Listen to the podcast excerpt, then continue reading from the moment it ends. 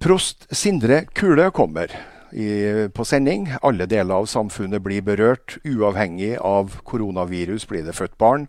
Noen planlegger dåp, og det er mange som planlegger konfirmasjoner. Noen skal kanskje gifte seg, og noen dør. Også for prost og prest er det begrensninger på hvordan det daglige arbeidet kan gjennomføres. Nestkommanderende ved Nordmøre brann og redning, eh, eh, Aspen, kommer. Og så er det satt i gang kronerulling for KBK, som blant flere eliteserieklubber har sett seg nødt til å permittere. Det skal vi komme tilbake til. Mange butikker på eh, Alltid Storkaia og Alltid Futura er stengt, enten fordi det er umulig å holde butikkene åpne, eller fordi senter, uh, unnskyld, at kjedene har bestemt seg for å stenge. Og Både Futura og Storkaia har endra åpningstider til å gjelde fra klokka 10 til klokka 18. Men sjøl om det er mange stengte butikker, er det fortsatt 22 åpne på Storkaia og 34 butikker på Futura det fortsatt går an å handle i. Disse opplysningene fikk vi fra senterleder Helene Oksås i dag tidlig. Og hun sendte oss et PS i samme slengen som jeg har lyst til å dele med alle dere som ser og hører på. Hun skriver følgende. Jeg sitter på hjemmekontoret mitt og ser ut av vinduet. Alt er jo som normalt. Et viderefly som letter fra Kvernberget. Fafe sine varetransporter går som vanlig over Omsundbrua. Folk er ute og går tur. Hurtigbåten kjører forbi. Vegvesenet driver og fikser på fartsmåleren som står i veikanten. Postmann leverer post. Naboen er på tur på jobb. Måsene henger i lufta i vinden. Og sola skinner faktisk, skrev Helene Oksås til oss i dag tidlig. Og det kan kanskje være noe å ta med seg at det meste går jo på en måte, sjøl om hverdagen kan virke både dyster og tragisk, i hvert fall for enkelte. For antall ledige i Kristiansund fortsetter å stige dramatisk. Per i dag er det registrert hele 336 ledige, en økning på 66 fra i går. Og Det betyr at hele denne økninga på 336 personer har kommet siden 13.3. Det er ingen tvil om at eh, dette får store konsekvenser både for de bedriftene som er ramma, men ikke minst for de enkeltpersoner og familier som er berørt. Og Da minner vi om at bankene også har sin kriseberedskap, og at det er mulig å komme fram til fornuftige løsninger, slik at det ikke blir total katastrofe for den som er ramma. NEAS melder om fortsatt stor trafikk, men ting går som normalt, tross for både fjernundervisning og hjemmekontor. Uh, strømnettet fungerer som det skal. Office og Teams flyter bedre enn tidligere i uka, noe som gir bedre ytelse for brukerne. Neas melder at det i dag blir service på radionettet på Lichfonna og i Årvågsfjorden. Brukerne har nett, men arbeidet gjøres for at alt skal bli bedre. Så oppfordrer Neas nå alle til å være obs på mulige svindelforsøk. Siden det er utstrakt bruk av hjemmekontor og hjemmeundervisning, er det alltid noen kjeltringer som forsøker seg med mange på nett samtidig. Unngå å trykke på linker eller åpne e-post fra ukjente avsendere. Det kan meget godt være svindelforsøk som spiller på nysgjerrighet angående koronasmitte, skriver Neas til oss. Når det gjelder flyplassen, så er situasjonen som i går. Det er reduserte avganger og ankomster både på fly og helikopter. Alle eh, reisende bes om å holde kontakt med de selskapene de har kjøpt billett fra, eller på Avinors hjemmesider, som alltid er oppdatert. Vi kommer tilbake med Kristiansunds rådmann Arne Ingebrigtsen i Kristiansund etter at Gro Kjelleberg Solli fra Angvika Gjemnes har bidratt med naboens Naboen sin gyngestol fra albumet 'Stien eg fann'. Før uh, naboens gyngestol med eh, Gro Kjelleberg Solli fra Angvika Gjemnes, så hørte vi Helene Oksås, som er senterleder på uh, Futura uh, og Storkaia, Alltid-sentrene, komme med betraktninger fra kjøkkenvinduet i dag tidlig. Arne Ingebrigtsen, det er godt at det er noen som har evnen til å eh, se at uh, ting virker til tross for uh, tingenes tilstand. Jeg føler jo når jeg går rundt i andre etasjen på rådhuset at ting ikke er helt ved det normale. Så det var jo kjekt å høre en såpass god beskrivelse. jeg tenkte egentlig på det når jeg kjørte ned fra Storhaugen litt før åtte i morges, at jøss, der var jo en kommunal bil som holdt på å tømme de offentlige søppelbøttene. Ja. Eh, så det er jo eh, veldig bra. Eh, vi er avhengig av at samfunnet selvfølgelig fortsetter å virke, spesielt for den psykiske helsa oss. Mm.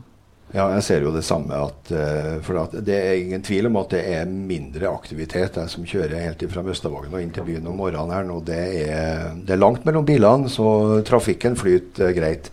I går kunne vi opplyse at vannet i Omsundet var borte. Det var satt i gang tiltak. Hvordan er ståa der? Ja, eh, Det var tilbake igjen klokka fire.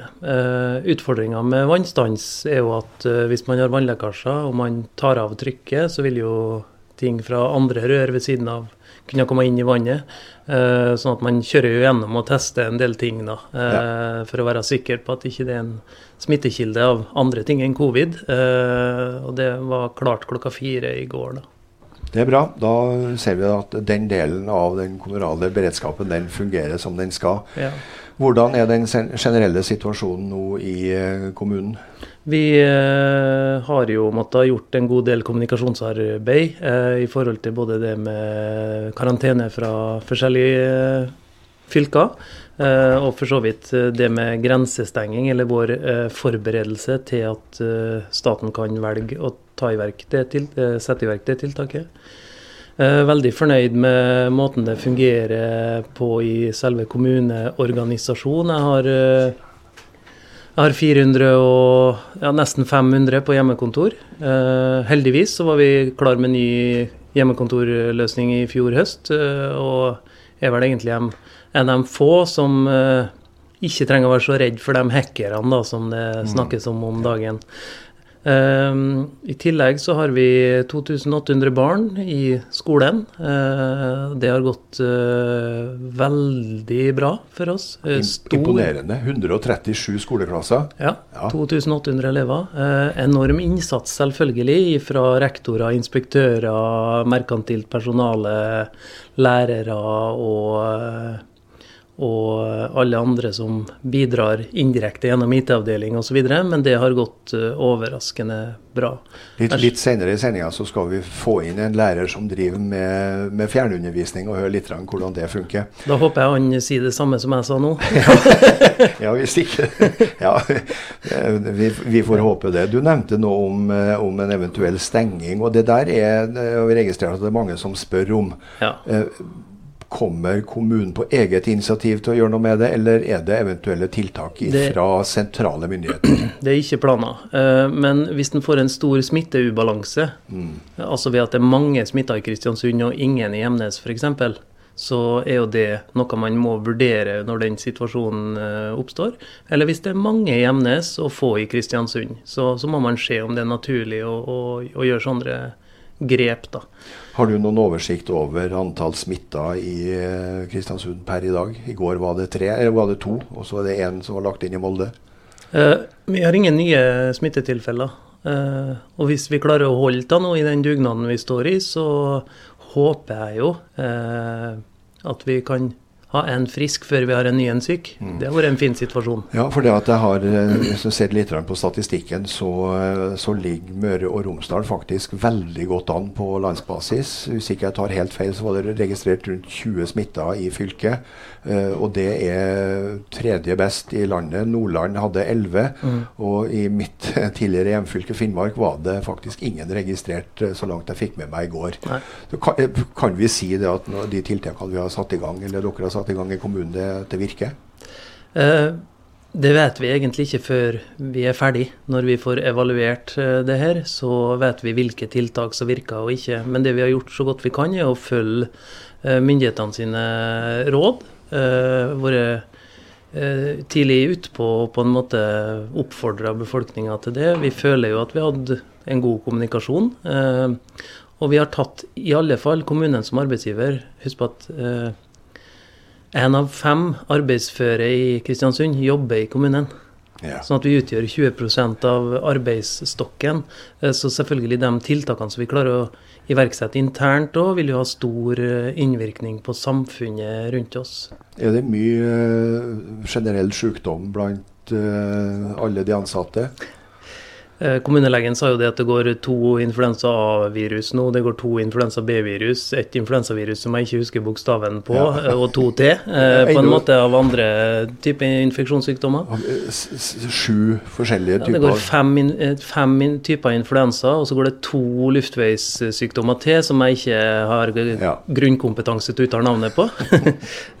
Men sånn at det, det, er ganske mange som har felles symptomer, ikke sant. Jeg har hatt en kommunalsjef skrev ut med luftveissymptomer. Ja. Eh, hun eh, hadde lungebetennelse, ikke sant. Og så er det Men det er mange ting som skal utfordre oss på, på eh, samme tider, da.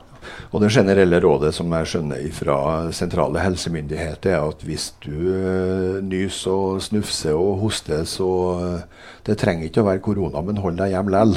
Det er nok veldig godt råd, sånn som det står nå. Og så ja. hvis man skulle se den utviklinga som vi har sett i andre land, så kan man komme i en personellknapphetssituasjon der man uh, må snufse enda litt mer for å uh, holde seg hjemme. Ja. Uh, vi fikk nylig tallene fra Nav. 66 flere bare i går. 336 ekstra ledige på ei mm. uke. Det, er, det, er, nesten ubegripelige tall. Ja. Det er forferdelig. Altså, det å være brødre og søstre og onkler og ja. Altså, det å ja, for vi er en liten by. og så altså, garanterer at samtlige i byen her kjenner minst én som er berørt av, uh, av det her. Det er klart. En ting er jo at det går utover enkeltpersoner, familie, bedrifter som ser seg nødt til å permittere. Det er jo, det er jo ingen som gjør det for at de har lyst. Nei. Det er jo situasjonen som gjør det.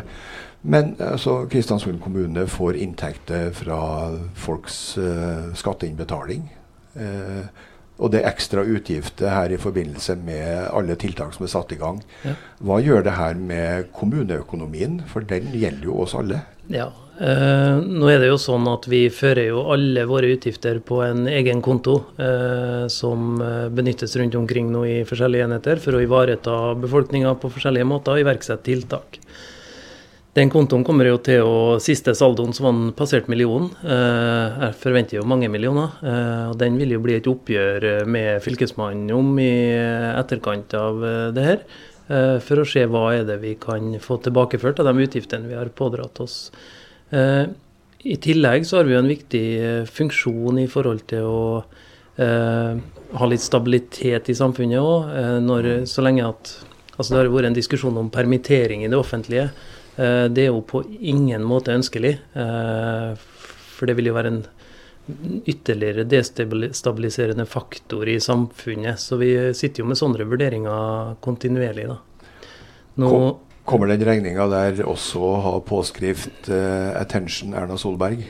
Eh, selvfølgelig. Eh, det er jo der Fylkesmannen har ikke noe penger, for de har fått penger. ja. eh, jeg hadde satt i møte i kommunedirektørutvalget i går. Eh, der tok jeg det spesielt opp med Fylkesmannen at eh, vi forventer eh, en opptrapping på det som vi kaller skjønnsmidler, da, ja. som skal gå til sånne type hendelser. for de 250 millionene det blir jo, som var fatta tidlig i prosessen, de gir jo 10 millioner til Møre og Romsdal, mm. hvorav vi utgjør 10 som gir én ja. million til oss. Og den er jo blest uh, i forrige uke en gang. ja, akkurat. ja. Eh, takk skal du ha, rådmann Arne Ingebrigtsen. Vi kommer garantert tilbake til det enten i dag eller eh, i hvert fall i morgen tidlig. Ja. Så vi får eh, oppsummere den første uka. Ja. Takk skal du ha. Takk. Eh, Ove Borgstein han rakk akkurat å gi ut albumet 'Skål for livet' før han måtte gi tapt for kreften i 2013. Og derfra et herlig stykke tekst og musikk. Vær så god, det er servert. Eh, det var rådmann Arne Ingebrigtsen eh, som hadde en liten runde på hvordan det står til i Kristiansund kommune. Gjemnes-ordfører Knut Sjømæling hvordan er situasjonen i vår nærmeste nabokommune i sør? Området rundt oss. Det er men eh, vi føler at vi har rimelig god kontroll på situasjonen slik som den er i dag. Og så får vi liksom prøve å stålsette oss på hva, hva vi skal gjøre av grep for å takle det som måtte komme. Er det noen spesielle problemer hos dere i Emnes nå? Nei, Ikke utover det som er vanlig, med kanskje noe mangel på smitteutstyr og og verneutstyr og litt sånn ta med få orientert befolkninga. Det føler vi har kontroll på da, gjennom hjemmeside og Facebook-side og, og, oppdatering som vi, som vi, har. Så får vi mye spørsmål. Så vi, vi mener vi håndterer det ganske bra sånn som situasjonen er i dag. Ja, Hva slags beredskap har Gjemnes kommune når det gjelder å svare på spørsmål eh, fra bekymra innbyggere? Nei, Vi har jo eh, beredskapsavdeling da, som, som, tar seg av telefoner. og Vi har eh, chat på hjemmeside og på Facebook-side Så, så vi svarer fortløpende på spørsmål som måtte komme inn. og, og Vi er jo tilgjengelige. Vi er jo en liten organisasjon er, der folk kjenner hverandre stort sett. og, og Vi prøver å være på tilbudssida så godt vi kan når, når spørsmålene melder seg. Det er en ekstra belastning også på de kommunalt ansatte på Gjemnes. Hvordan takler dere det internt? Nei, så det er klart at Ved vår kommune så blir det ekstra, ekstra, belastning på en del ledere og på en del ansatte som uh, har mye forhåndsregler for forholde til. og Jeg vil bare benytte anledningen med å, gi honnør til de ansatte som har gjort en kjempejobb i den situasjonen vi står til. Og, og er motivert for å starte på videre i en sånn vanskelig situasjon for eh, kommunen og for landet. Gjemnes har relativt uh, få innbyggere, men det er en langstrakt kommune med mange kvadratkilometer. Hvilke utfordringer gir det kommunen? Jeg vet ikke om det er så stor betydning om at vi er langstrakt. Det er jo klart at det er jo lengre færre for den som skal ut, uh, ut i felten og, og, besøke folk med hjemmesykepleie. Og, og, det er jo sånn som vi har vanligvis. da. Ellers så, så prøver vi å komme over på nye plattformer der vi, vi bruker nett og, og møte. og Vi har jo hatt uh, allerede første formannskapsmøte på nett og planlegger nå eh, neste kommunestyremøte som et eh, fjernmøte. Så, så, ting utvikler seg, og folk eh, venner seg til å bruke andre plattformer. Det er også de ansatte og brukerne. Og, og så Det blir nok en del som blir endra etter denne situasjonen som vi er gjennom nå. Det er stengte barnehager og stengte skoler overalt. I Kristiansund er det en del som har barnehageplass, og det er fortsatt noen på skole. Er det noen av innbyggerne i Gjemnes som har barnehageplass eller får undervisning? Ja, vi har eh, opplegg for hjemmeundervisning, og tilbakemeldingene der er at det fungerer rimelig bra. Eh, fra skolens side. Og så har vi tilbud til barn som trenger omsorg hjemme òg. Og det er sånn ca. åtte stykker jeg har fått opplyst om per i dag som, eh, som har slikt tilbud gjennom barnehage, SFO. Og at vi har eh, flere som vi må ta høyde for å kunne ta hånd om. Men i store hele så så, så det er ikke så mange på antall. Og, og folk finner seg løsninger og ordninger som de lever med og, og kan uh, håndtere i hverdagen stort sett. Men vi har tilbud for dem som har behov. Og så vil jeg nevne et tilbud som vi har i Gjemnes. Uh, vi har uh, helsesøster som kan kontaktes av barn og ungdom som føler behov for en samtalepartner. Så Det er benytta oppe og går. Så det er et tilbud som, som blir godt mottatt. Føler Gjemnes-ordfører Knut Sjømæling seg rimelig sikker på at Gjemnes kommune skal klare å ri av situasjonen på folkevis? Ja, det, det, føler jeg. Så det er ikke hver for oss eller for noen andre. Så, så dette er jo en dugnad som vi alle er en del av. og Vi benytter oss av nasjonale føringer. og Vi har jo regler som vi innfører eh, lokalt, men nå begynner det å samordne seg stort sett. så at eh, forordningene er nokså nok like i nabokommunene. Så, så, jeg føler at vi har en organisasjon som er motivert og ansatte som gjør en kjempejobb, og at vi i fellesskap skal kunne ri av stormen denne gangen. Så, det, så vil dette evaluere og se hva, hva vi kunne ha utfordra oss på på andre områder. Og, men jeg tror at vi har det kan komme noe godt ut av situasjonen òg, på bakgrunn av de erfaringer som vi vil gjøre oss her for senere. Tusen takk skal du ha, Knut eh, Sjømæling. Vi eh, kommer antagelig til å ta kontakt med deg igjen for å få en oppdatering på hvordan det står til. Vi skal snart snakke med prost eh, Sindre Kule, men først Først Kristiansundsbandet Villrosa slapp sin første plate i november 2017, som het Villspor. Og derfra spiller vi Svart. Alle deler av samfunnet blir berørt av den situasjonen vi er i. Folk blir født, folk dør, folk planlegger dåp, konfirmasjoner, og noen har lyst å gifte seg. Eh, Sindre Kulø, du er prost. Hvordan er utfordringa for kirka? Ja, så Nå ser dere sikkert at jeg hilser dere fra et litt rotete uh, syrom hos kona. Så, så utfordringa er jo lik for uh, meg som uh, alle andre, egentlig. At uh, arbeidshverdagen blir, blir, snudd på hodet. vi møter jo veldig mange utfordringer i den tida som er i nå, med de begrensningene som er. Og det som er felles for nesten alt vi gjør i kirka, er at vi samler folk. og kirkene våre er mye brukt. Folk er glad i kirka si. folk Eh, setter pris på den og bruker den i eh, livets, eh, livets skiftende tider. I glede og sorg. Og, no, som, og som med alle andre sektorer av samfunnet, så vi veldig, har vi veldig begrensa aktivitet i, i, kirkerommene våre nå. Det eneste som vi som vi har, er en viss adgang til å ha begravelser, og med veldig få til stede. Og også dåp i noen tilfeller. Ellers så er for det meste alt av aktiviteter, gudstjenester og eh, aktiviteter ellers i menighetene er avlyst og utsatt inntil videre. Hvilke begrensninger ligger det i antall deltakere på en begravelse, og, og hvordan setter du grenser og velger ut hvem får lov, hvem får ikke? Nei, det er det store dilemmaet. Og her må vi ha litt mengdetrening, tror jeg, før vi, før vi, før vi finner en, eh, en, farbar vei. Men det er nå engang kommuneoverlegen som setter uh, tallet i hver kommune. I Aure så er det nå ti, og i Kristiansund så er det anbefalt ikke mer enn 15 i offentlige forsamlinger.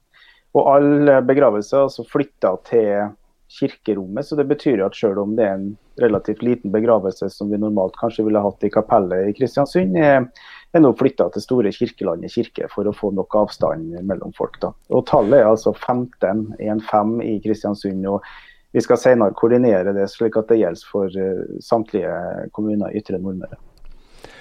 Én ting er å gjennomføre eh, dåp, konfirmasjon, begravelse og, og vielser, men kirka skal også drive sjelesorg. Er det mye henvendelser av engstelige folk? Det er nok de lokale prestene og de andre ansatte i kirka som kjenner på det. Men den det, det store utfordringa vår er at eh, mange av dem som kanskje har behov for kontakt, er ikke dem som bruker så mye sosiale medier eller bruker, bruker, nettet på den måten og sånn sett kan komme i kontakt med oss. Så vi jobber nå med å opprette en type telefonløsning der man kan eh, ringe inn og melde inn behov for samtaler. Foreløpig så kan du ringe det lokale kirkekontoret ditt. Etter hvert så håper jeg å få en type hva skal jeg si, et, et, eh, en vaktordning da, blant prester og andre ansatte i, i, området her, slik at du kan ringe, og så vil du kunne ringe deg opp og ha samtaler på telefon. Det er noen løsninger som er nå, da. Eh, mange som er engstelige. Det er mange av våre i menighetene rundt omkring som som nå blir ekstra isolert, og hvor kanskje besøket i kirka er et av høydepunktene i løpet av uka, som nå ikke får anledning til det. Så det, det er veldig smertefullt for, for, veldig mange. Våren er jo kjent for å være tida for eh, konfirmasjoner. Det er tusenvis av uh, ungdommer som har gledet seg til å bli konfirmert. Hva skjer med konfirm konfirmasjonene på Nordmøre? Alle konfirmasjoner blir i utgangspunktet utsatt inntil ubestemt tid til høsten. Og vi må bare følge råd fra myndigheter på det. At det blir ikke anledning til å ha konfirmasjoner nå i mai, sånn som er vanlig her hos oss. Hvis man skal avvike fra det, så må man søke meg da, som prost direkte. og det, Terskelen for det blir veldig veldig høy. Og det blir uansett veldig begrensninger på, på hvor mange man kan være i kirka på det området. Så det blir en høstkonfirmasjon i år. Eh, vi ønsker jo veldig gjerne at det skal være stor høytid med kapper og inntog, lokalsamfunn som pynter seg i glede til konfirmasjonen. og og da er det bedre slik situasjonen nå er utsatt. Men noen dato kan jeg ikke komme med akkurat nå. Dere driver vanligvis med sjelesorg for folk som har problemer. I siste uka så har vi opplevd her i Kristiansund at det blitt 336 ledige folk som er kasta ut i en helt uvant situasjon. Kan du gi noen trøstens ord til dem som blir ramma? Ja, Da kan jeg si at eh, kirka er plassen for, for, dem som også nå opplever usikkerhet. Ikke bare knytta til selve smittesituasjonen, men også knytta til, til, økonomi og framtid. Og Vi som jobber i kirka og dem som er frivillige, vi ønsker å bidra til å, til å være med og støtte opp om det. Jeg er sikker på at ut ifra den situasjonen her, så vil det komme mye kreativitet og mye samhold, mye gode eh, løsninger på hvordan vi skal ivareta dem som nå eh, i en periode av livet vil eh, miste eh, kanskje inntekt og, og, og, jobb i en periode. Eh, og jeg er sikker på at Kirka vil være en kjempestor på det området. Vi er gode på, og, på frivillighet i kirka, vi er gode på det å møte enkeltmennesker og grupper. Og eh, jeg vil ikke bli overraska om vi om en stund kommer til å se gode, gode synergieffekter mellom kirke og lokalsamfunn på, på, akkurat det området. Hvor vi kan samles og dele bekymringer og, og, snakke ut om utfordringene som er, og ta ut eder og galle hvis man føler behov for det, og i hele tatt være sammen som lokalsamfunn. Det er et sånt tett liv mellom kirka, menighetene og lokalsamfunnene rundt omkring, og dyktige ansatte. Så jeg er ganske sikker på at vi får til noe fint der. Uansett, uansett, om man uh, snakker med prest eller prost eller andre, så det er viktig å prate med hverandre. Før vi slutter, uh, Kulle, hva er forskjellen på en prost og en prest? Ja, det er det mange som lurer på. En prost er kan du si, mellomlederen da, mellom prestene og, og biskopen. Så jeg leder alle prester i ytre Nordmøre. Det er Averøy, Kristiansund, Smøla og Aure. Og er på en måte hva skal jeg si, den daglige sjefen eh, deres. da, Og så har jeg en del representasjonsoppgaver. Jeg ble hasteinnsatt som prost. Jeg løfter frem korset mitt her. Eh, det skulle egentlig være en stor høytidelighet nå på søndag uh, i Kirkelandet kirke, med ordførere og biskop og i hele tatt. Men biskopen valgte å hasteinnsette meg som prost på et veldig privat seremoni. Det var første gangen jeg fikk bære det korset som jeg viser frem nå. Det er altså kopi av det korset som er på kulestein, og som alle proster bruker. Så eh, Det er liksom første gangen jeg bruker det. Jeg tenkte jeg skulle vise frem det nå. Jeg er litt stolt av akkurat det her, selv om det bare er et smykke og kanskje bare et symbol. Så, så betyr det noe ekstra for meg å få lov til å, å få ha på meg det for første gang. Så, så det er jeg som har ansvaret for å lede prestetjenesten og den lokale kirka nå i Ytre Nordmøre fremover. Mm. Da sier vi tusen takk til sjefsprest eh, Kuløy. Uh, Sindre Kule, og, og, det er jo litt spennende da med at prosten sitt kors har aner på kulestein på Edøya. Takk til dem. I går spilte vi Øyvind Elgenes, og i dag kan vi like godt finne frem broren Torbjørn, som eh, spiller 'Only Kind of Love'. I går snakka vi med Aure-ordfører Hanne-Berit uh, Brekken. Og vi har tidligere i sendinga snakka med Knut Sjømæling i Gjemnes. Og i Sunndalen der sitter ordfører Ståle Refsti, en stor, omfangsrik og viktig kommune. Hvordan er ståa i Sunndalen? Nei, vi uh, jobber nå for å uh, å si vi gjør vel ikke noe annet vi enn andre kommuner. Men vi har fått påvist uh, våre to første tilfeller med koronavirus. Det er vel kjent. Og I etterkant av det, som kom i går, så har vi nå jobba uh, spesielt uh, med smittesporing. Da, men òg internt i våre, våre helse- og omsorgstjenester med å omdisponere personell til kritiske oppgaver. Vi har jobba med å se hva vi kan redusere av andre arbeidsoppgaver der det, ikke, der det går an å fire litt. Og så har vi ikke minst jobba med å omorganisere, slik at vi forebygger og hindrer mest mulig smittespredning internt i organisasjonen vår. Så det, det er noe det som har prega det siste døgnet vårt. Du har eh, aluminiumsverket innenfor dine kommunegrenser. Har du noen oversikt over hvordan det står til på Hydro? Ja, vi har jo tett eh, dialog med dem. Eh, de har jo sin egen beredskapsorganisasjon. og Logisk nok så er det jo en hotline mellom eh, kommuneledelsen og, og her. Vi er på hver vår side av en lei. Og eh, det vi i hvert fall, De har jo sine egne interne føringer og regler for smittevern og smitteforebygging.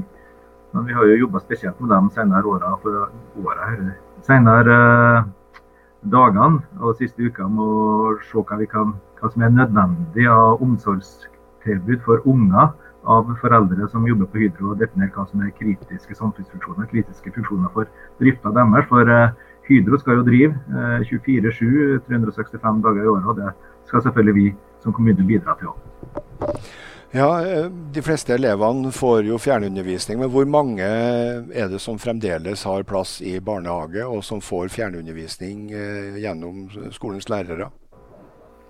Det har jeg ikke helt oversikt over hvordan det er i dag, for vi tar jo fortløpende stilling til det som måtte komme av eh, søknader. Etter at vi har vært ute og presisert kriteriene og prata med folk i næringslivet. Men eh, per i går, eh, når vi summerte opp, så var det jo her for å se, da hadde vi vel tre unger i skole og ikke mer enn to i barnehage. Men det kan fort øke etter hvert. Da. Forstår jeg det rett hvis den eh, personen som fikk påvist eh, smitte i går, jobba i helsevesenet i Sunndal? Ja, det har, jo, har, vi vært ute med. At det, den ene personen, det var jo to som fikk påvist uh, koronasmitte, hvor den ene jobba i, i, kommunens uh, helse- og omsorgstjeneste. Så det har jo som sagt uh, jobba intensivt med hele natta etter det da, for å få smittesporer og kontroll over. Så per i dag så mener vi jo at det er det kontroll over. Men eh, det er jo da førte jo til at ikke mindre enn 32 eh, av våre ansatte innenfor tjenesten og da havna i, kar i karantene. Så det er jo bl.a. det vi jobber med nå. både Hvordan vi løser oppgavene i en sånn situasjon, og hvordan vi forebygger lignende situasjoner, eller i hvert fall jobber med lignende situasjoner i framtida. Hvordan har du inntrykk av at innbyggerne i Sunndalen takler situasjonen? Inntrykket mitt er at eh, det er en voldsom ståpåvilje, eller god moral for å ta vare på hverandre og at det her skal gå bra. Og i, internt i den kommunale tjenesten. For det er jo en veldig spesiell situasjon som alle er opptatt av at vi skal komme oss gjennom på best mulig vis. Spesielt glad for, nesten rørt over alle som har meldt seg nødvendig, eller etter hvert nødvendig frivillig arbeid. Eh, det kan være på forskjellige områder. Alt fra å bidra i tjenestene våre til å bidra med leveranser og andre nødvendige ærend i kommunen her. Og at Røde Kors har meldt seg her og tatt ansvar eh, for å organisere det. Så Det syns jeg er veldig bra. Så vi får se hvordan det blir etter hvert. Vi prøver jo å informere etter beste evne. og er opptatt av at folk skal vite hva som foregår i kommunen nå usminka og ofte. Eh, for det ligger en betryggelse i det òg. Hvordan takler dere eh, informasjonsbehovet fra alle innbyggerne? Vi har nå vært eh, for det første å være mest mulig tilgjengelig. Vi har jo en informasjonsleder som fungerer som presseansvarlig. Vi har vært å informere utad gjennom smittevernlegen vår når det har dukka opp et eller annet som som er viktig å få formidla raskt. Både gjennom egne kanaler som kommunen har, hjemmesider og andre, og, og, direkte via lokale medier. Og Så møtes jo kriseledelsen vår og summerer opp hver dag eh, klokka tre. Og vi sender jo òg ut eh, informasjon i etterkant av det. Så En kombinasjon av eh, telefontilgjengelighet, eh, egne informasjonskanaler og media tror vi og håper vi fungerer ganske bra her. I hvert fall er det vi har fått tilbakemeldinger på. Og Da kan vi også tillegge at hvis eh, Ståle Refsti, Sunndalsordfører, har noe han gjerne vil ut med, så er vi tilgjengelig til å formidle det fra klokka tolv hver eneste hverdag. Takk til Ståle Refsti, ordfører i Sunndalen. Viggo Roksvåg var, del, var, i sin tid til del av det legendariske Kristiansundsbandet Beatmakers. Og her kommer en god gammel slager med han, Vågaramp fra 2009. Det er mange etater som eh, har beredskap og som jobber hardt for å holde samfunnet i gang. Vi har hørt hvordan det står til med de kommunale tjenestene i Gjemnes, i Sunndalen og i Kristiansund. Men vi har noe som heter Nordmøre brann og redning. Jarl Arne Aspen, du er NK der. Hvordan er situasjonen for dere på, som da holdt til på brannstasjonen i Kristiansund? Jo, enn så lenge har vi kontroll på det. Vi har jo fokus på å opprettholde beredskapen og holde mannskapet frisk. Så eh, vi har stengt alle brannstasjonene oss eh, på hele Nordmøre for publikumshenvendelser. Eh, likedan så har vi avslutta tilsyn og annen innbyggerkontakt. Eh, feierne går utvendig eh, feiing foreløpig, eh, uten noe som helst kontakt med beboere. Eh, videre så, ja, så, driver jo de med administrativt arbeid. Eh, noen har hjemmekontor. Eh, når det gjelder beredskapen, så har vi god oversikt over eh, personellet vårt. Eh, vi har innført eh, gode rutiner i forhold til vaktbytte på heltidsstasjonen her i Kristiansund. Slik at vi skal minimere risikoen for, for smitte. da. Ja, for Det er litt viktig å, å presisere det at uh, selv om vi snakker om brannvesenet i Kristiansund, så er det slutt på den tida det satt et vaktlag og drakk kaffe og venta på at det skulle brenne. Nå snakker vi om Nordmøre brann- og redningstjeneste. Så hvor mye folk har dere rundt omkring i kommunene som dere har ansvaret for, og hvilke tjenester? Jo, vi har jo samla opp oppimot 36 000 innbyggere som vi har uh, ansvars, ansvarsområde for. da. Eh, så vi har jo fem deltidsstasjoner, en hovedstasjon her i Kristiansund. Eh, på deltidsstasjonene så er det jo eh, ja, deltidsmannskap som har et annet hovedvirke og rykker ut på, på, hendelser. Nå har vi tatt ned det andre aktivitetsnivået da, som, som vi ikke behøver nå. Øvelser, tilsyn, befaringer, den type ting. Så nå går det kun på rett og slett hovedoppgaven hos nå, det er å holde oss friske. Ja, hvordan, altså En ting er en brannstasjon, der har dere full kontroll. Men den som er i et annet yrke i tillegg, må jo være eksponert for potensiell koronasmitte i alle mulige retninger. Hvordan klarer dere det? Jo, altså, Det vil nok være. Nå er jo slik at det er hovedarbeidsgiver som, som på en måte har uh, eierskapet til, til, den personen det gjelder. da, for å si det sånn, Selv om han er deltidsmann hos oss, så har ikke vi noen fortrinnsrett på han foreløpig, i hvert fall. Eh, slik at eh, det blir å følge de retningslinjene som gjelder nasjonalt. Og, og etter beste evne holde seg frisk, da, de som er på distriktet, da, på de stasjonene der. Og så har vi noen som, eh, ja, som er ute i omsorgspermisjon, og det er noen som sitter i karantene og sånn. Så Blir det litt sånn at dere i ledelsen sitter der og krysser fingrene og, og, og ber litt til høyere makter og håper om at det her går bra? Jo, altså vi gjør jo det. Samtidig så har vi jo en plan på det. Vi har en kontinuitetsplan og, og ser jo på alternative løsninger hvis det skulle brake løs hos oss og vi trenger ekstra ressurser.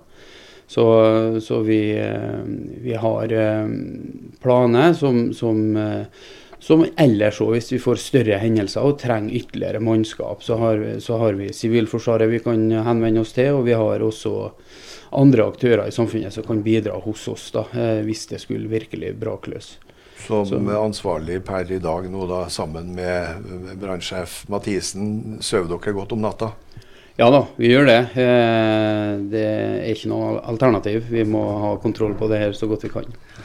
Er det noen spesielle utfordringer dere i den tjenesten står eh, overfor som ingen andre har?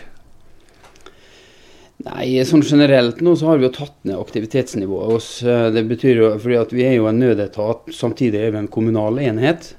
Slik at det er jo masse arbeidsoppgaver og ansvarsområder vi har som kommunal enhet, som vi nå har tatt ned. Og det gjør jo at det er andre som får den belastninga. Eh, som nødetat så, så, følger vi jo de retningslinjene som er, og vi har eh, tett dialog med 110-sentralen. og de eh, har eh, endra litt fokus og har eh, tettere oppfølging, eh, slik at vi unngår de unødige alarmene som vi normalt hadde før det her oppsto. Så, så, vi samarbeider jo tett både med politi, helse og, og 110-sentralen som sitter i Ålesund. Og de har igjen et godt samarbeid med 110-sentralen i Innlandet, slik at, slik at, det er jo også holdt på å si, mer nasjonale føringer. og som som kommer oss til gode. da. Likedan har jo brannsjefen eh, tett kontakt med brannfaglige råd i, i, regi av DSB, eh, Direktoratet for samfunnssikkerhet og beredskap.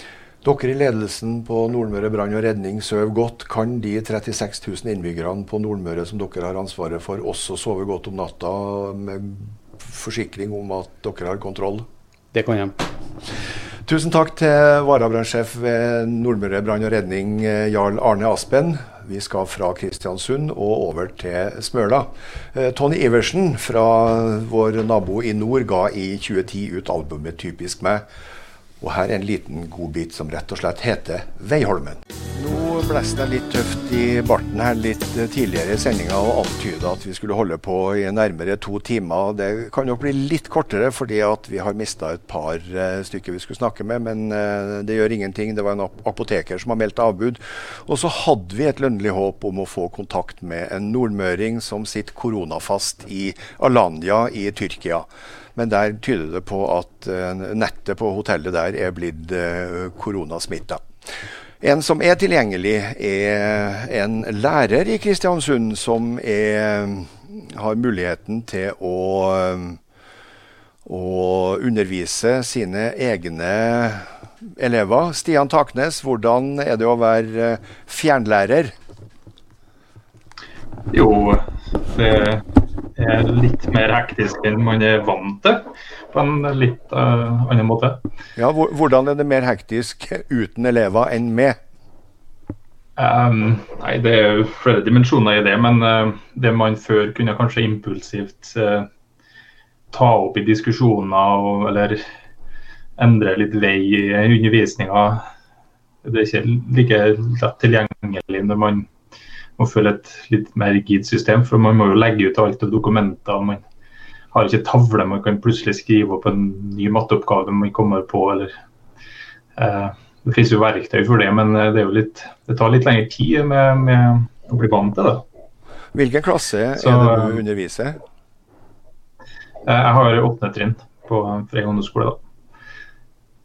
Hva skjer i praksis eh, sånn i løpet av dagen fra dere møtes på nett og til dere er ferdig? Vi eh, bestemte oss ganske tidlig eh, med å prøve å lage en sånn ganske fast skole, skoledag for elevene, der vi har oppmøte 8.20. Vi bruker da Microsoft Teams til å, til å samle elevene inn på videochat. og Da oppretter vi et møte Eh, for elevene. og Så ramler de inn én etter én. Eh, er det noen av elevene så, som får anmerkning for å komme for seint? Uh, nei, altså vi, overraskende så har vi jo uh, vært uh, ganske heldige. Si. Det, det, er noen sånne tekniske ting med internett og sånn som kan være utfordringer innimellom. Men elevene er på plass. Altså. De, når vi oppretter det møtet 08.20, så elevene er inne med en gang og er klar. Så ja, de er på, da. Kan du som lærer holde kontakten med, med elevene enkeltvis underveis når dere holder på med forskjellige oppgaver? Ja, så det vi veldig ofte gjør, at vi har litt sånn kanskje åpne oppgaver da, der de er inne og møter meg, og så sier vi god morgen og hilser på hverandre med video og, eh, og sånn. Så får de en litt uh, åpnere oppgave.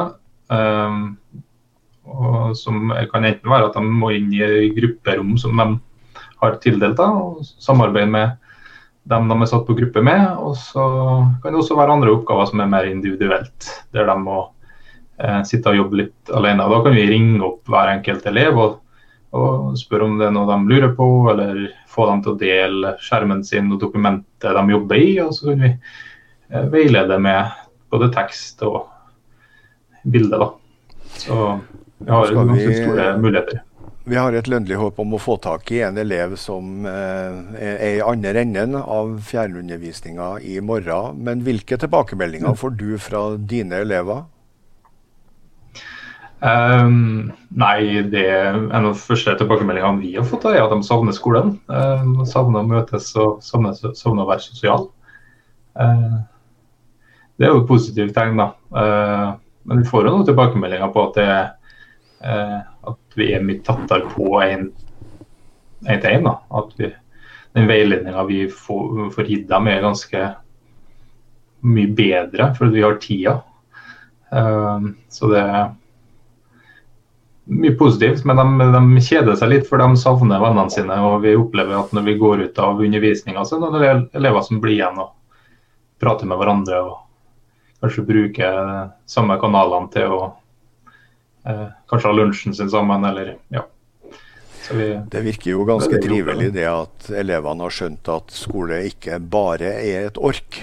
En ting er nå engelsk, norsk, matematikk. Hvordan gjennomføres kroppsøvingsundervisninga på nett? Nei, i dag så min, min klasse hadde kroppsøving for første gang i dag. Da, da får de en liste over eh, noen nettadresser til noen eh, videoer. Eh, og så er det på med treningsklær, og så rigge til med en stol eller en treningsmatte. Og så er det, er det å gjennomføre det opplegget da, og skrive litt treningsdagbok. Og, ja. Så det, det hva, med natur, hva, med, hva med naturfag og heimkunnskap? Ja, på niende til oss har de heimkunnskap, og da legges det litt sånn oppdrag den dagen da, med at de skal lage middag for, for familie. Uh, og uh, vi prøver jo, prøver jo det vi klarer å få til Eh, litt av samme situasjon som vi har på høykunnskapen og i kroppsøvinga, så langt det lar seg gjøre med de rammene vi er satt innenfor. Hva syns du personlig, bortsett fra at du syns det kan være litt slitsomt, det, ser du noen fordeler med fjernundervisning? Ja, som jeg nevnte i sted, så er det med at vi kommer veldig tett opp til hver enkelt elev. Vi, eh, vi kan gå litt eh, dypere inn i faget sammen med dem, eh, fordi at vi har litt mer, litt mer, tid. Vi tar oss litt mer tid òg, kanskje. Eh, og så er det den andre fordelen med at eh, mange av de lærerne som kanskje syns det har vært litt skummelt, og venta egentlig og utsatt og utsatt det å kaste seg inn i og lære nye digitale eh, verktøy. De blir definitivt kasta i det nå. og Få en litt boost når de eh, skal tilbake til skolen sin igjen, og kanskje bruke slike verktøy mer. En ting er at det praktiske fungerer, men det å være lærer er jo også et sosialt yrke med omgang med kolleger. Hvordan er det å sitte alene? Eh, nei, det går overraskende bra, da, for vi har jo trinnmøter. Og på mandag så skal vi ha fellesmøte med hele gjengen. og eh, Det har vært noe snakk om å ha lunsjer sammen med oss lærere. Og, så det ja, vi, vi, prøver vårt beste å sosialisere oss på tross av. Da. Tusen takk skal du ha, Stian Taknes. Det er mange lærere som er i samme situasjon som vi har hørt tidligere i sendingene. Så er det 137 klasser i Kristiansund kommune som får fjernundervisning. Og går alt etter planen, så skal vi få snakke med en elev i andre enden i morgen. Stig Nilsson er en gammel traver. Her er en liten godbit fra da han var ung.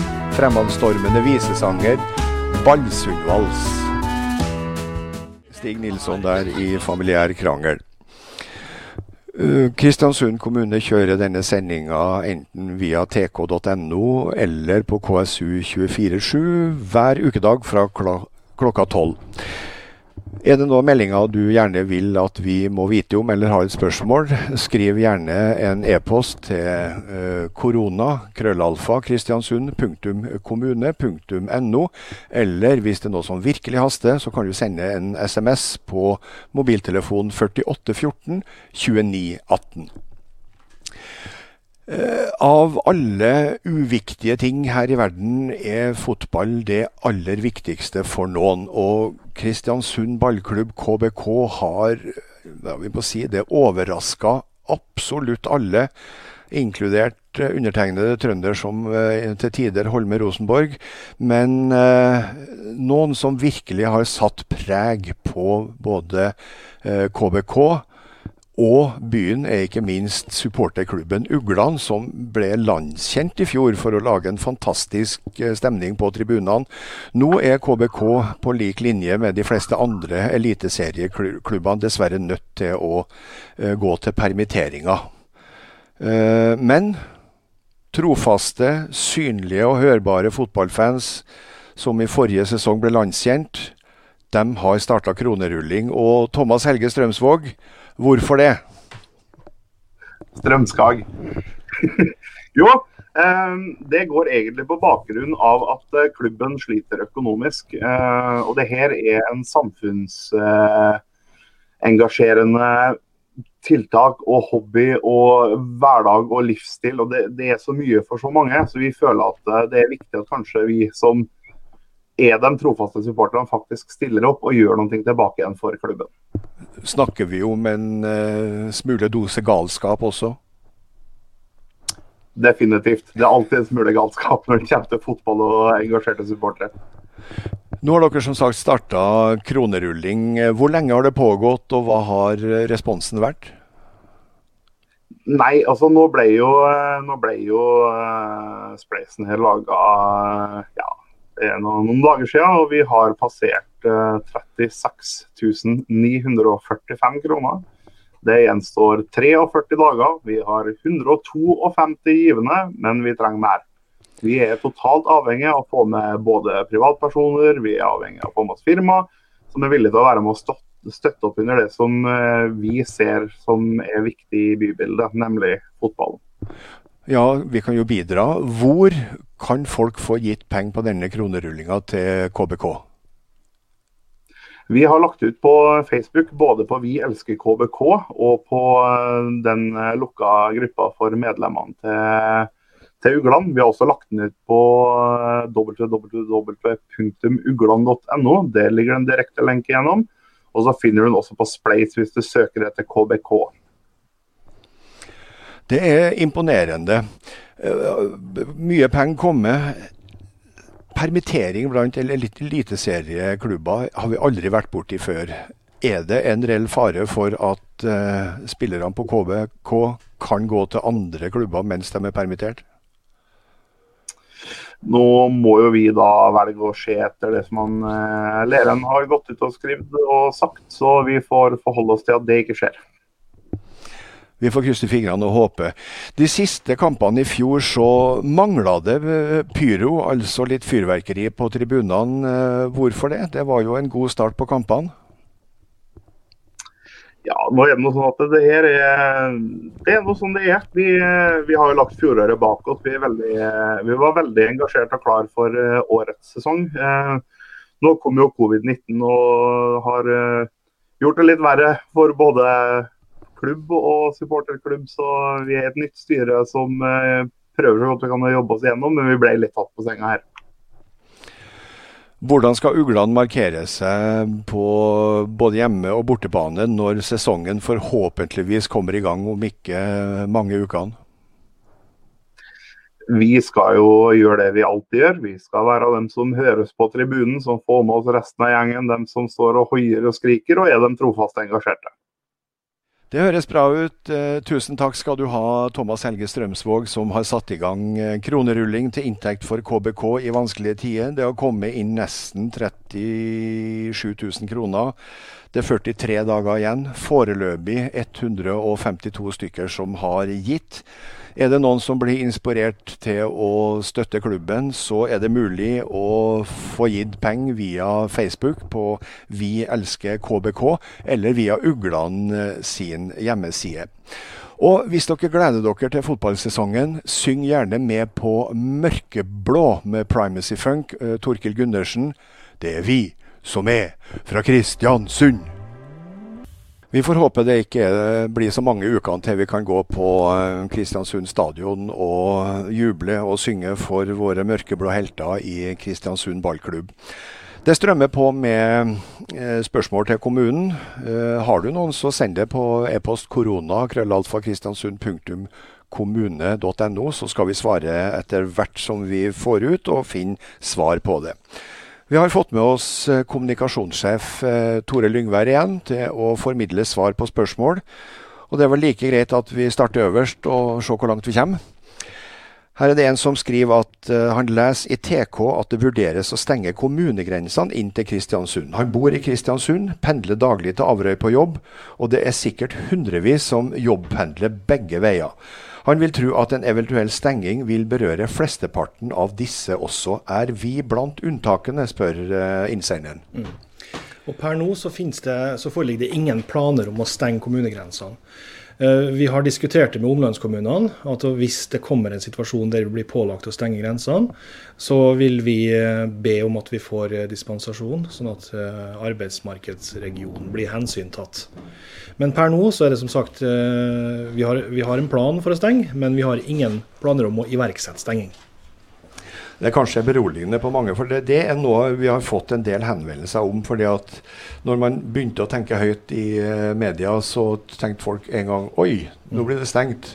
Og så hørte de for Heimevernet i samme åndedrett, så ble det litt småkaos i heimen i, hos enkelte. Men vi kan berolige folk. Planen er der, men ingen blir iverksatt. og foreløpig, og blir det iverksatt, så er det garantert at det kommer til å bli informert om på skikkelig vis. Jeg kan også tilføye Det at vi har, det vi gjorde, var å vi bedde innbyggerne om å registrere hvordan, reisemønster de har. Sånn at ved en eventuell stengning så kunne vi ha unntakene klar umiddelbart, sånn at det ikke ble kaos rundt det. Ja. Oppfordringa er ta det med ro. Det blir ingen stenging foreløpig. Neste spørsmål er som følger Når lege, leger anbefaler arbeidsgiver å gi arbeidstakere med utsatte barn andre oppgaver for å hindre smitte, gjør kommunen da noe med dette nå? Har kronisk sykt barn, er helsefagarbeider i hjemmetjenesten og er virkelig oppriktig redd i min arbeidshverdag per i dag, da jeg observerer at både brukere og pårørende ikke følger regjeringa eller Folkehelseinstituttet sine retningslinjer.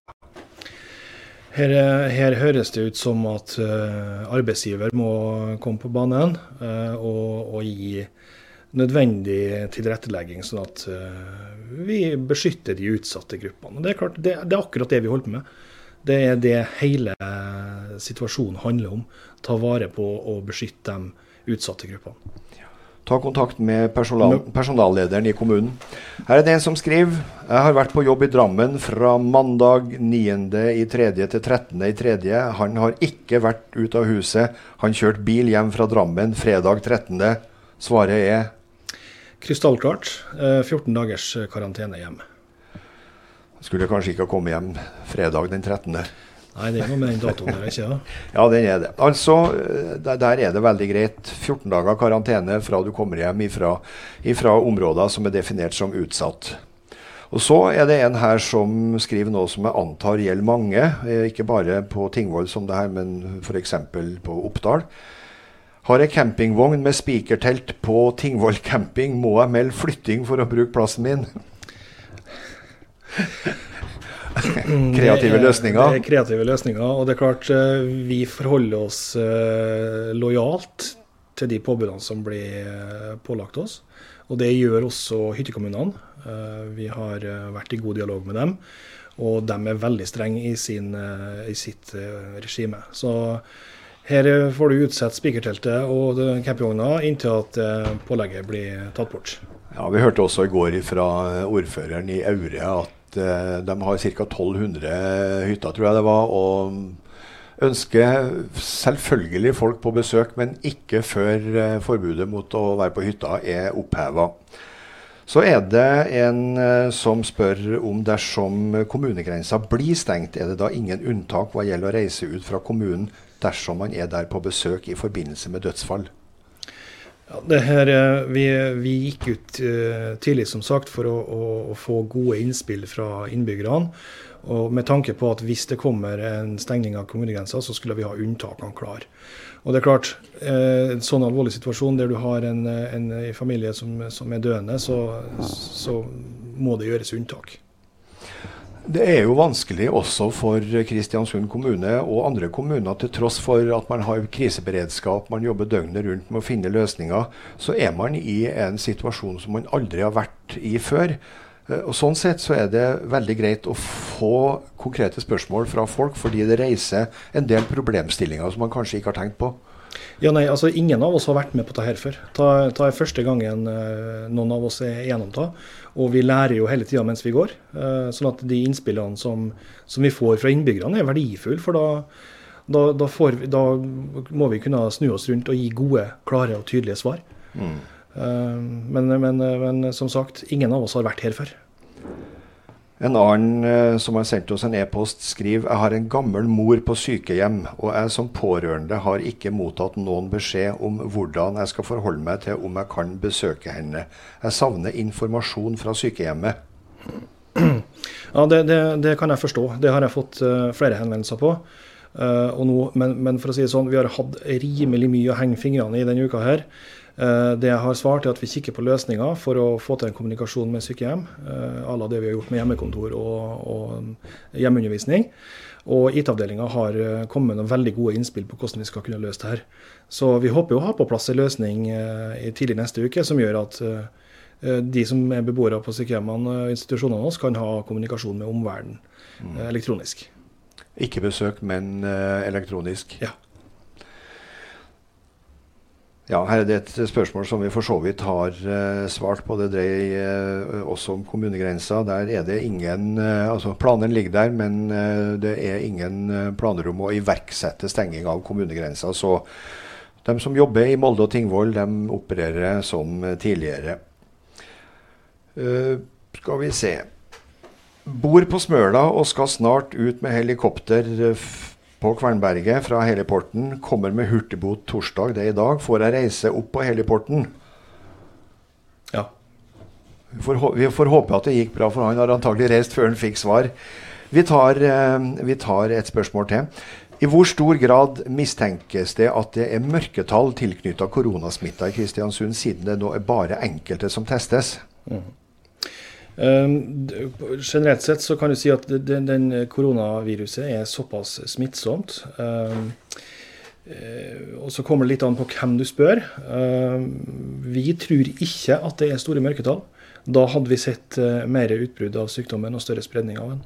Så vi, har, vi føler i Kristiansund at vi har en rimelig god kontroll på situasjonen så langt. Her er noen som har et uh, veldig langt spørsmål, men vi kan ta hovedinnholdet. Den 11. mars dro jeg og min mann til Vang i Valdres, en kommune med ingen kjente smitta. Der var vi to ganger på Joker Filefjell, brukte hanske og opprettholdt avstand. Ellers så, så vi ikke et menneske eller snakka med noen. Søndag 15.3. kjørte vi hjem og stoppa i drive-in på Burger King på Lillehammer og handla middag. Jeg oppfatter det som om vi må i karantene i 14 dager. Stemmer det? Ja, det stemmer. Det, det er krystallklar regel på ta, Og eh, så snart du beveger deg i områder som, er, som vi har vedtatt uh, karanteneregler mot, så, så, skal du i karantene. Enkelt og greit. Vi skal hindre at de sårbare gruppene blir smitta av det viruset. Ja. Da tar vi et siste spørsmål uh, i denne omgang. Det er en som skriver i Stavanger. Uh, jeg er i Stavanger-området nå i forbindelse med jobb. Jeg har vært på lungeavdelinga ved Stavanger sykehus da jeg har følt meg dårlig. Legen tok ikke covid-test. Legen mente jeg hadde liten forkjølelsesvirus på slimposen, men måtte kontakte legevakt igjen om jeg fikk feber. Satt en tid på venterommet sammen med andre personer med like symptomer, uten jeg vet om de hadde eh, viruset. Planen min er nå å kjøre hjem eh, til Kristiansund og gå direkte i karantene. Jeg bor sammen med min mor på 86 år. Gjør jeg det riktige nå med å gå i karantene? Karantene hjemme hos min mamma? Um, du skal i hvert fall du, har, du, eh, du, skal rett i karantene, det er jo ingen tvil om. Uh, når, når, mora di er 86 år og du har vært på Stavanger sykehus, så har jeg villet funnet en annen løsning. Mm. Rett og slett. Uh, ta inn på hotell, uh, bo hos noen andre slektninger som ikke er i risikogruppe, og la mor være i fred eventuelt uh, isolere seg helt i kjelleretasjen eller en annen plass hvis det er mulig. Ja, hvis det er mulig. Hold avstand. Hvis det er mulig med en egen ja. etasje, så, så, kan det gå greit. Ja. Takk skal du ha, Tore Lyngvær. Her, sånne spørsmål kan du sende til korona, krøllalfa, Kristiansund .kommune.no, så svarer vi eh, på en del spørsmål eh, etter hvert som det kommer inn, og etter hvert som vi har sending. Neste sending, vi kan svare på det her på det i morgen klokka tolv. Da finner du oss igjen på tk.no, eller du hører oss på radio på KSU 24 7. Det er kanskje noen som lurer på hva Trondheimsgruppa Gluntan har med Nordmøre og Kristiansund kommunes eh, sending på, men vokalisten Kjell Ivar Eines er en skikkelig tustning. Ifølge han sjøl så var det ei smølapis som fikk han til å flytte fra Smøla til Tustna. Og om det er hun som ble kjerringa hans etter hvert, og fremdeles er det, vet jeg ikke. Og om det er hun han tenker på, men her er Gluntan med 'Hvor skapet skal stå'. Vi nærmer oss uh, slutten på denne sendinga fra, uh, fra Kristiansund kommune. Uh, men før vi avslutter skal vi oppsummere en smule med ordfører Kjell Nergård som vanlig. Kjell Nergård, jeg må innrømme det at eh, jeg blir lettere deprimert da, når jeg hører at det er så mange som 336 personer i Kristiansund som nå er uten arbeid den siste uka, kun pga. Uh, følgene av koronaviruset og de tiltakene som er satt i gang. hva skal man si? nedover hele landet. og du ser jo Regjeringa har jo krisemøte på krisemøte i forhold til ta. Da kommer tiltakene til tiltak, og vedtok også noen tiltak i dag. Så får vi se om også det hjelper på. da. Nå ser jeg også flere fylkeskommuner går ut og ønsker å fremskynde en del prosjekt for å få aktivitet igjen. Jeg ser også Vår fylkesordfører har gått ut i dag og bedt fylkes, fylkesrådmann til å se om også Møre og Romsdal kan ha noen arbeidsoppgaver, prosjekt som kan fremskyndes, nettopp for å få folk i arbeid igjen. og det er en tøff situasjon vi er i. og eh, Nav har en kjempejobb foran seg dem til å på en måte få folk som er permittert nå, over i annen virksomhet, kanskje i en overgangsperiode. Så det, det her er ja, klart det er deprimerende. Du, de, nå har jeg sittet her og ikke klart å følge med, men du sa de har vurdert og innført noe, noe eh, tiltak i løpet av dagen. Hva, har du noe mer konkret? Nei, Nå har jeg ikke rukket å sette meg alt i det som ble hastevedtatt i, i, nå i morges. da, Men eh, det er f.eks. sagt at både Nav, kommuner og helseforetak skal få kompensert utgiftene vi har i forhold til epidemien. Mm. Eh, det, satt, det, ble også satt i verk tiltak i forhold til næringsliv, uten at jeg er fullstendig oppdatert på det. Men det er jo nettopp for å få folk tilbake til jobb igjen. Så får vi følge med de nærmeste dagene på hva det har å bety konkret, både for Kristiansund og for Nordmøre. Da. Ja, for Det er jo helt åpenbart at uh, den situasjonen som man er inne i nå, det, det får økonomiske konsekvenser. Og så For Kristiansund kommune så nevnte jo rådmann Arne Ingebrigtsen at vi allerede har i forrige uke passert 1 million i ekstra utgifter. Og, og det, det her kan trekke ut, så vi snakker, vi snakker store summer. Ja, Det blir mange millioner for Kristiansund, ja, men det er på en måte, det må vi bare ta. Så får vi etterkant regne ut hva det koster, så se hvilken kompensasjon vi får på det. Men eh, nødvendige tiltak må vi sette inn, koste hva det koste vil. Ja.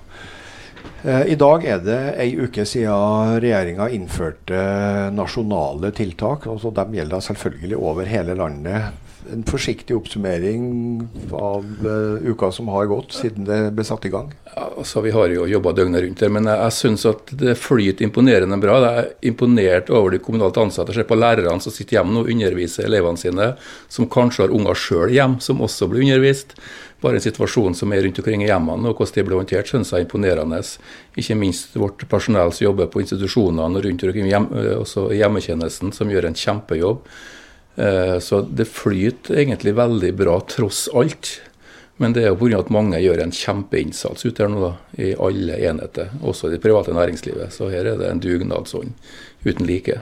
Nå er det når man holder på med ja, vi kan kalle det en unntakstilstand i ei uke. Eh, det skal vare ei uke til. På et eller annet tidspunkt så merker folk at man blir sliten, man blir irritert, man går oppå hverandre. Noen gode råd? Ja, altså det handler om å komme seg ut, få litt frisk luft da, innimellom her. og eh, jeg har jo fire unger sjøl som går hjem. Eh, og Det er klart at det å få litt frisk luft av og til å ta en gymtime ut, det tror jeg er viktig da, for å koble om hodene sine og sitte inn 24 timer i døgnet. og det, det er ikke så lurt, med unntak av dem som er i isolasjon og karantene, selvfølgelig. Men dem som ikke er det, Eh, må på en måte prøve å leve så normalt som mulig og komme seg ut. Og prøve å unngå kontakt med folk, selvfølgelig. Men frisk luft, det bør alle få seg litt. Takk skal du ha, ordfører Kjell Nergård. Vi kommer tilbake til det. Denne sendinga nærmer seg slutten. Vi ble litt kortere enn vi hadde planlagt, men eh, det er ikke noe å gjøre med. I sendinga i morgen så eh, kan du få møte Smøla-ordføreren og Tingvoll-ordføreren, som forteller litt om hvordan det står til der. Roar Halten, som er ny leder i Kristiansund og Nordmøre turistforening, kommer, og vi jobber for å skaffe dere andre interessante gjester i studio. Som sagt, er det noe dere lurer på, eh, ta kontakt på korona.kristiansund.kommune.no, eller på mobiltelefon 4814 2918. Og glem ikke, vet du om noen som er alene, som trenger litt eh, prat og støtte, ring dem. Vi avslutter med eh, vakre Vita Lux av og med Frode Alnes, Arild Andersen og Stian Karstensen. Og vi er tilbake igjen i morgen klokka tolv. Fortsett å se på oss, Dag. Takk for nå.